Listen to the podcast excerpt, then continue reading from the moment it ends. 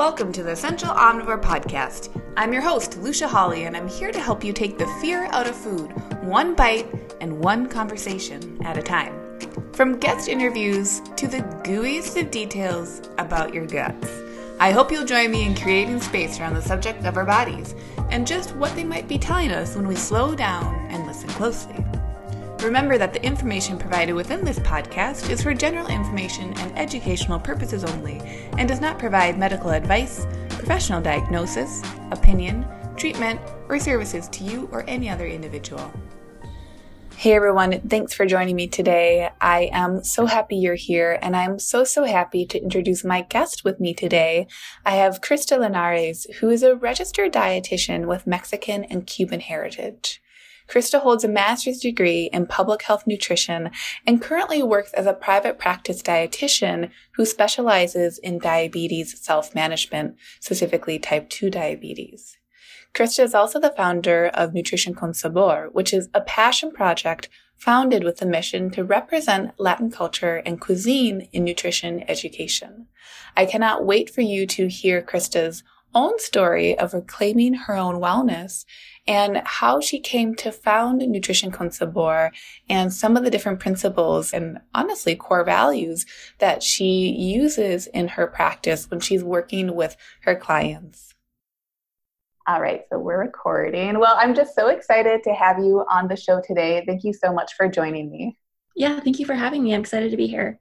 So, I feel like I kind of just like push my guests into their story right away, but we're going to follow suit and do that again today. Okay. So I would love for everyone to hear a little bit about, or as much really, about your background as you desire to share. So, can you tell us how did you come into nutrition? What was that first impetus to say, like, ooh, like there's something to food? Yeah. So, I guess if we're going all the way back, I'm from a Latin family, but I didn't grow up in a Latino area at all. I grew up in the suburbs of Minneapolis for the most part. So I kind of grew up with always being the only Latino family in the area. So I kind of just had my parents and my sister, and then one family friend, and that was kind of our whole connection to the whole Latino community. Um, and my mom's side is Mexican, and my dad's side is Cuban. So I always kind of felt since I didn't have a larger community near me that my connection to that was through the food that we ate. And that's not to say that every single meal we ate was Latin food, but definitely more often than not. And so I feel like that was kind of always the number one way for me to learn about my culture was through that since you know my grandparents lived in mexico for not my whole childhood but a good portion of it you know so i didn't get to like talk to them that much and so that was just kind of my main connection point. and then fast forwarding um, this is actually my second career before this i was in finance ops for a tech company i studied econ in undergrad and I started getting really interested in just food and nutrition and cooking during my undergrad career, probably about junior, senior year. Um, just for personal reasons, I was exploring, like most undergrad kids do, vegetarianism and all those things, and was actually a vegetarian for five years while I started my career. And then when I was about 22, 23, around there, I had this incident at work where I had an allergic reaction to food that I had been eating regularly for years because it was sesame seeds and almonds, which are really common when you're trying to be vegetarian. And so they were in my diet all the time. And then I had an allergic reaction at work. So it was really frustrating for me because at the time I got diagnosed with all these food allergies, and I had thought that I was being healthy and I was following kind of like all the health trends that were out there. I felt like it backfired on me. I, you know, it kind of felt like it was rebelling against me. And then around the same time, I was diagnosed with PCOS. And same thing. You know, I thought I was eating healthy, but it's just not working. And I felt like I was making things worse for myself. So that's kind of how I started to become more interested in the science behind nutrition. And then as I continued in my career, I really liked it, but I realized that it wasn't super fulfilling for me long term. Um, what I really liked was like the face to face that I would do because I would train sales reps. And so I realized that I wanted that face to face, one on one coaching interaction, but I wanted to apply it to something I found more academically interesting. So that's kind of what spurred the decision for me to go back to grad school and become a dietitian. That's amazing. And can you tell everyone? I know a lot of the listeners are going to know what PCOS is, but can you tell people what that is and maybe some of the symptoms or just like what you were experiencing? Yeah, so it's polycystic ovarian syndrome. Um, I didn't present with all of the classic syndromes. I know that sometimes people have unexpected weight gain or trouble losing weight. The classic symptoms that I did present with were acne beyond what was normal for me, um, a little bit of excess hair growth, and irregular periods, or even just, I think it's amenorrhea, lack of periods for a few months. So those were the things that made me go to the doctor. And it had happened after I went off of birth control because, again, trendy 20 something health kick. I was like, I'm getting these hormones out of my body. And then backfired. right yeah and it you know i think also too at least in our world in my opinion i feel like so often we're told birth control is such an easy thing to come onto that it must be just as easy to come off of, right? And then right. we have these lived experience of being like, oh my gosh, that was affecting my hormones, and my hormones are maybe a little bit more powerful than what I had been told or what I had learned when I was growing up or coming of age. Exactly. Hmm. So tell me then about the food sensitivities, or you had mentioned that you had been vegetarian. It sounds like perhaps that changed over time. Yeah, I'm no longer a vegetarian. Um, I tried to keep up with it for a really long time, and it actually started to take a really huge emotional toll on me because that's a lot of restrictions. And I remember I had this one work dinner where they had to bring me my own specially printed menu, and it was really great of the restaurant to do, but I just kind of felt like such the center of attention. That was kind of the moment that made me realize that something needed to give in terms of the restrictions. So that's why I'm no longer vegetarian or one of the reasons. So the food sensitivities, I was diagnosed with a tree nut allergy, a sesame allergy, and those are ones that I can definitely feel even to this day when I eat. And then just kind of, you know, food allergy testing is tricky. So at the time I was diagnosed with more food allergies than I think I actually have. Mm. So the sesame and the tree nut allergies are true. I can feel the reaction. And there was a few other sensitivities identified in that test that I actually still want to go back and get tested because I'm not sure that they're 100% accurate. Well, yeah, I love that you bring that up too because food sensitivity testing, again, speaking of trends, right? It's so trendy. Yeah. like, okay, I'll order this. And I think a lot of them are becoming more accessible, which is great on one hand, right? Just for the access.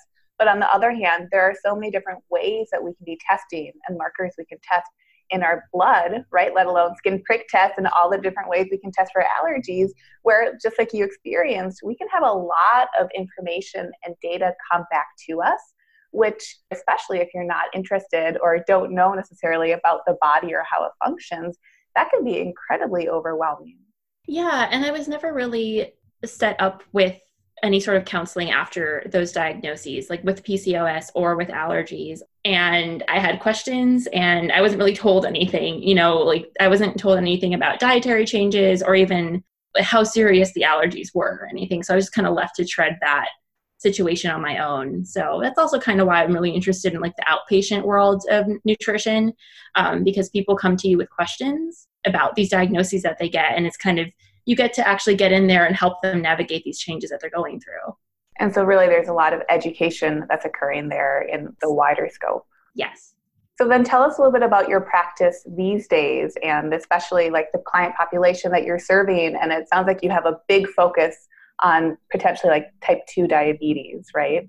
Yes. So because of my own experiences with PCOS, which you know are related to insulin resistance, um, and then just pre-diabetes running in my family or diabetes running in my family to a certain extent, I was always really interested in diabetes management and prevention and just the science behind it. And then, kind of going back to my cultural background, I'm really passionate about serving my community, which is the Latino community.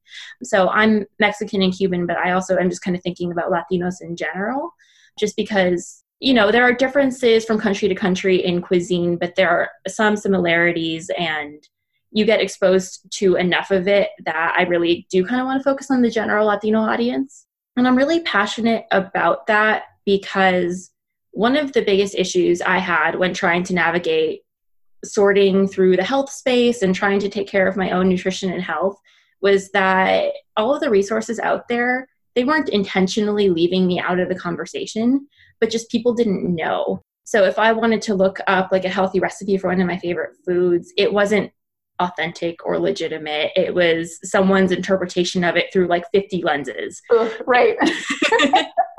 Just not in a tasty yeah, I'm sure it's like it tastes good, but it's just not what I was looking for. It's not my mom's cooking.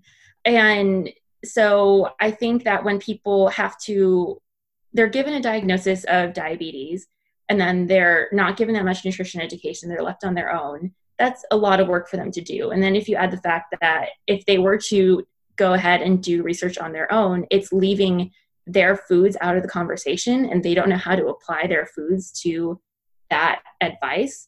It's just a lot can get lost in translation there. And I could just see a problem within my community that way. And then I was also seeing just kind of when I started becoming a dietitian and training for it and talking to other people in my community, I would consistently hear this feedback and language, which was like, thank God that you're doing this. We really need you as Latinos, which is great. And then I would kind of hear this other side of it, which was, you know, how we eat, our food isn't healthy. Mm, that's really it's, interesting. It's heartbreaking to me. Yeah. Um, and that just kind of feels like this internalized stereotyping and discrimination against ourselves and our own culture.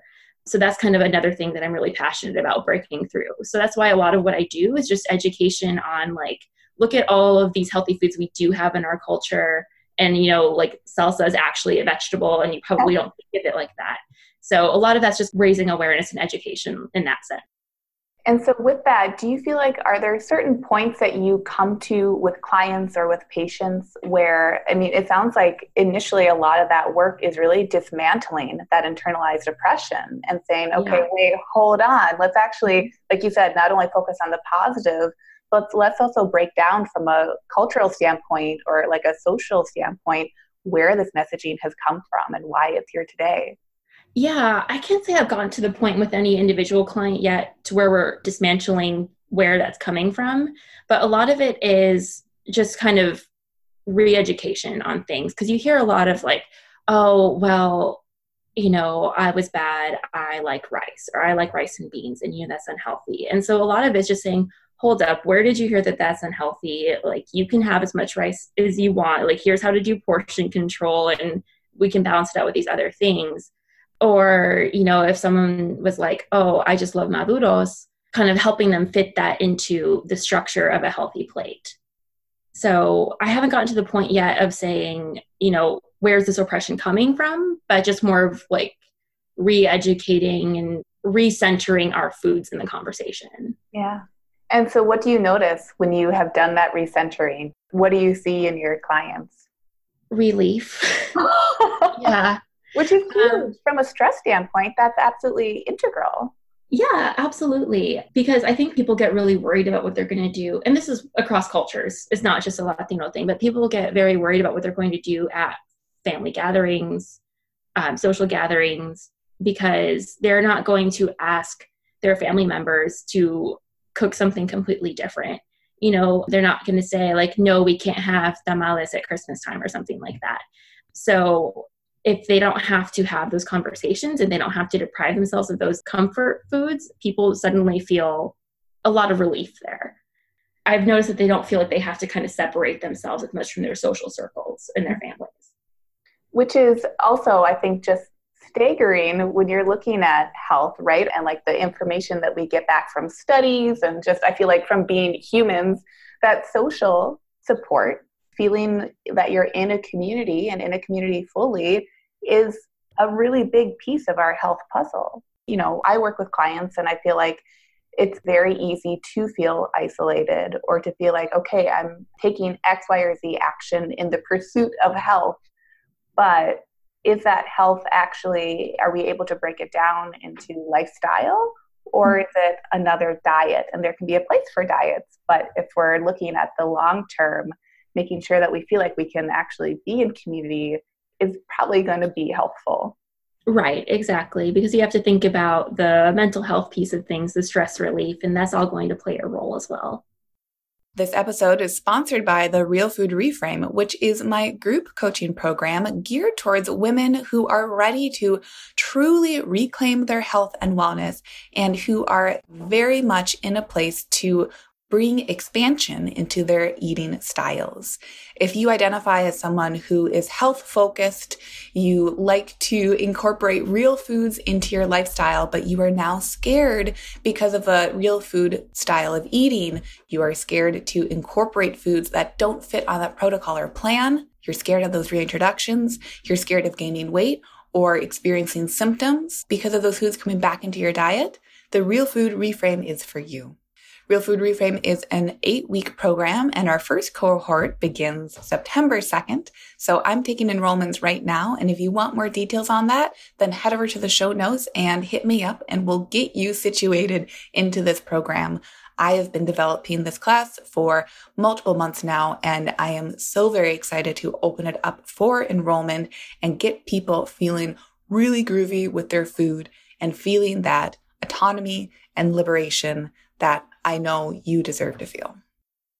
So tell me, I have a few questions that I like to ask people. So we might not do all three right now, but I have okay. a question. Mm-hmm. What is your idea of health when you hear that word? Yeah, so I was thinking through this, and so my master's degree is in public health. So when you go through the public health, they have this kind of standard definition of health that is not just the absence of disease, it's kind of that complete wellness uh, spiritually, emotionally, and mentally as well. And so I was kind of trying to break that down further. And I was thinking about what do all of those things have in common? And it really, what it boiled down to to me was kind of this authenticity with yourself, if that makes sense, and really allowing yourself that freedom to be who you are. And so with me and my business and the clients that I serve, that presents itself as really honoring our culture um, but for someone else, it might come through in a different way. Right. So it's really respecting what is like facing forward the most in terms of what you want to be supporting and rise to the surface. Yeah, there's an element of self respect there, definitely, and honoring yourself there too, for sure. What is it like when you're working with clients or even yourself when you were kind of grappling, being like, okay, I have these foods that are a part of my heritage mm-hmm. that I feel like I can't eat because of this diagnosis or shouldn't be eating. What was that process like? Like that dismantling? Did you hit a point where you're like, you know what? Uh uh-uh. uh Like, I'm to eat these foods and like it's going to come with time? Or did you feel like it was more of a slow and gradual process of really saying, like, hey, I'm actually going to question this messaging that these foods are quote unquote bad or quote unquote not healthy for me? So, a really big part of it was when I stopped being a vegetarian, which is not to say that vegetarian diets don't have their place in Latino culture, but on the Cuban side of my family, it's very pork focused. And my parents are amazing. And whenever I would come home for holidays, they would try really hard to like make substitutions for me. And it just wasn't quite fitting because there isn't really a natural substitute for that. Um, I'm not the type that really wants to do like a jackfruit substitute for pork if jackfruit's not part of Latin food. So it just wasn't really meshing, and then the food wasn't really tasting like Cuban food. You know, like the seasoning was good and it tasted good, it just wasn't as I remembered. So that was a really big part of it. But I'm also really stubborn.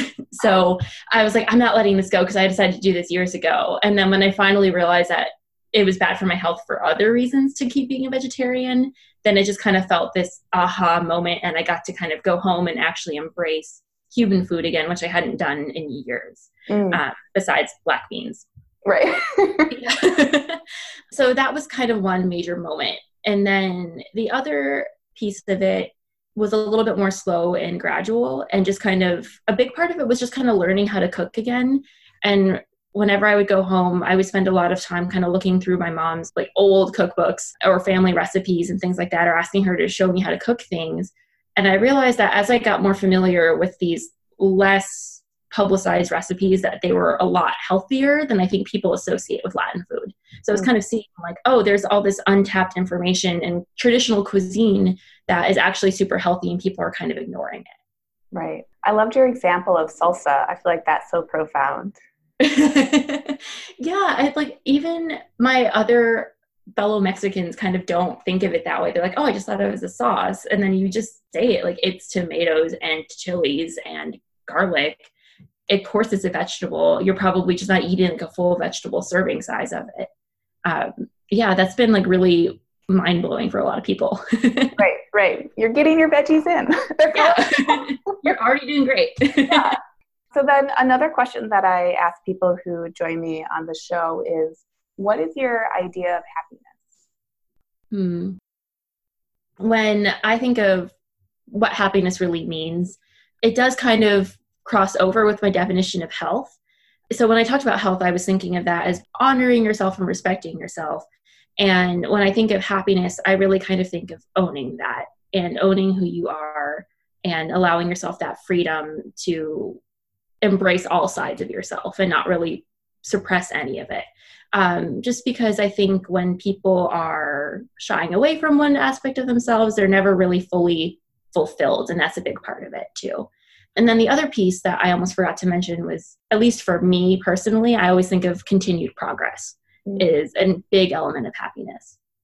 How do you either define or see or kind of track progress, like either with clients or just in health and nutrition? Because I think it's it's a tough thing, right? Like there are a couple metrics that we have, but a yeah. lot of stuff starts to get kind of nebulous. So how do you look at that? So I compare habits a lot because I think that when we're looking at metrics, sometimes it can get, you know, the body's always going to do funny things and it's never going to cooperate at the rate that we want it to, whether you're measuring like a lab value or something else, you know, it, sometimes it's going to have a mind of its own. So, in order to show people that they really are making progress, I always tie it back to, you know, look, when we started together, you were eating one vegetable a day and now you're eating three vegetables a day or a lot of times after a few weeks or months of working together someone will come to me and said i had the option to make this choice a and i made choice b and choice b is what you told me about. And so i think just even acknowledging that someone had that conversation with themselves is a huge sign of progress. So i always kind of look at like little habits as a sign of progress. Yeah well yes and like what are little habits? They're our whole life right? Right. Definitely. I think you bring up a good point too with that awareness of saying, like, oh man, so here is one option. And maybe this was my go to option in the past, or this is the one that comes to me most readily. But now I know with this additional education or ability to ask questions that there might be more than one option. Yeah. And sometimes, even if someone goes with option A, but they just acknowledge that there was another option, even sometimes I think of that as progress. So. Yeah. I feel like it almost makes those choices into like it's like consenting to foods, but feeling like it's more informed consent with your food and food options. Absolutely. Yeah, for sure. Yeah. Um, I think about that a lot with mindfulness is, you know, you can, if there's like a treat food that you love, you know, and we work together on mindfulness, you always have the option to have that treat food, but it was actually thought through and it was much more intentional than before. And I think that's a huge sign of progress. Do you feel like people enjoy that treat food more when it's coming from that vantage point of like arriving to the treat with that mindfulness? I think so. Um, so it's one of two things. It's like I really love this food and I actually got to sit and enjoy it. Like I always think of the example of people saving their favorite color M&M for last. You know, they really enjoyed those red M&Ms because they saved them so I think, yeah, it kind of turns into this ritual and it's good for their mental health and it's like this moment and it kind of has a self care element to it. Or when you bring that mindfulness to it and you give them the choice, they're like, eh, didn't need it. I don't want it anymore. I realize I don't actually like it. You know, so I feel like when you do that, there is very rarely a neutral option. It's kind of like yes or no, which I like. Yeah, it brings that clarity of saying, like, this is a choice, and now I'm going to choose which option feels most aligned for me in this right. present moment. Exactly.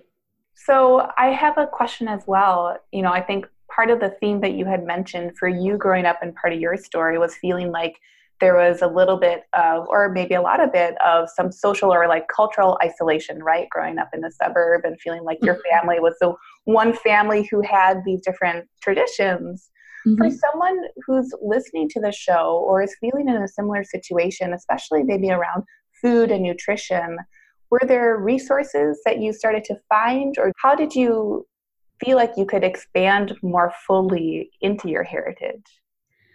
A lot of travel, which isn't an option for everyone. But then, you know, now, even if travel isn't an option, the internet is much more pervasive than it was when I was growing up. So I think that there's just a lot more resources out there on these cultural traditional foods, and people are kind of starting across cultures, not just Latin food, people are kind of starting to elevate them a little bit more. So for me, it was traveling to see my grandparents in Mexico, or also just the fact that if we wanted to eat Mexican food growing up in Minnesota, we had to drive 45 minutes to St. Paul. Mm. at least when I was like a really small kid. So it kind of turned into this like big event and it was really exciting. And maybe that's why I love it so much because that was like our one chance to kind of be a part of the Latino community. So those things were really helpful for me. And then also, I was just a really big fan of cooking shows mm. growing up. So yeah. Are there any resources online? Because I agree. I think it's what can you not connect to at this point with the internet, right? Like, are there resources that you notice you tend to recommend to people kind of on repeat? Specifically for Latin food, um, I mean, I have a couple of things that I like for recipes. So I know there's one woman's blog that she's very established that I love her recipes. It's Mexico in My Kitchen. Um, and she does very, very traditional food and it's just excellent and it's simple. And there's a couple other ones like that. But in terms of kind of like this big comprehensive resource on like food and Latin culture, I haven't found one yet, and I'm still on the hunt. And I'm kind of hoping to like help be a voice in that area because I just don't think that the information is fully fleshed out yet. Mm-mm. I mean, I would posit to say, and I'm a white lady saying this, but wellness is really white. It is. It really is. Yeah. Super damn white, and it's really unfortunate because it's not lifting up the incredible traditions of different cultures and I know from personal experience, really loving Weston A. Price and part of that style of eating, where they're saying the most healthful foods are the ones that are traditionally prepared. So there's so much to be learning from any and all cultures. Like, what are we doing here if we're just talking in kind of this like echo chamber? Right, exactly. And then I like that you mentioned the echo chamber because that's kind of a big part of why I decided to insert myself into the conversation. It's just because if you don't have a variety of voices and experiences, you wind up repeating each other. You know, if I was in a community of only other Latinas in nutrition, we would probably wind up repeating each other. So I think, you know, that's why diversity is so important. Yes, mic drop. so, my last question that I ask everyone is what is your favorite word? so it might be kind of cheesy for me to pick a word that's in my business name, but I picked my business name for a reason. So if I can use a Spanish word, I'd like sabor, which literally translates to flavor um, or taste. And so I like it because while it literally means the flavor or the taste of something and like one of the sensations that you get, it also kind of has a more metaphorical sense to it. So, one of the other big things that I love to do is dance. Mm-hmm. And so, when you have a dancer who adds something beyond technique, right? Mm-hmm. She has a lot of flavor to it. And so, I like that it is about food, but it's also about kind of like this zest for life and kind of this like above and beyond that. And it's more about kind of that emotional self side of it too. Yes. And I think anyone who follows you, and of course, I'm going to link up all your information in the show notes mm-hmm. for the episode. Anyone who follows you, I think, can feel that and can see that, that it's not just like cut and dry, like eat this, don't eat that, avoid this food, go like only eat this type of oil or whatever. It's really mm-hmm. embracing of saying, like, what do you want? What have you been eating? Let's add in some information here. And then, like, boom, here's your life. Like it's going to be great and it can be as flavorful, as full of zest, as you said, as you mm-hmm. desire. And that's good. That's helpful in and of itself.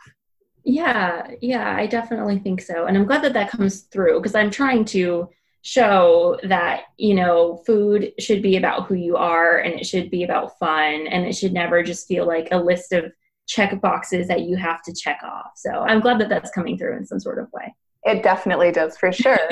so, as I just said, I'm going to be linking up your information in the show yeah. notes. But can you tell people where to find you online? Yeah, so I am on Instagram and Facebook. Uh, the handle is Nutrition Con Sabor. So that's nutrition, C O N S A B O R. And I also have a website that's nutritionconsabor.com. And I'm just going to push people to follow you because I feel like, like you were saying, if, you know, a handful of my listeners, I would say, are people who are like trying to figure out their health for themselves and another well who isn't but another right. handful are practitioners or people who are in this space who maybe have a certification or a license or you know have dabbled a bit further so i think just the ability to have these conversations is so important just to say, mm-hmm. like, diversity is unending. There's always going to be more. And Nutrition Con Sabor, like, we can be looking at this with the realization that it's huge and it's also personal and individual. So yeah. I just I push everyone to follow you and listen to your message because I think what you're doing is just awesome. Thank you so much. I appreciate that. Hey, thanks so much for joining along on today's episode. For full archives of past episodes, hop on over to essentialomnivore.com or subscribe to the Essential Omnivore podcast on Apple Podcasts or Stitcher.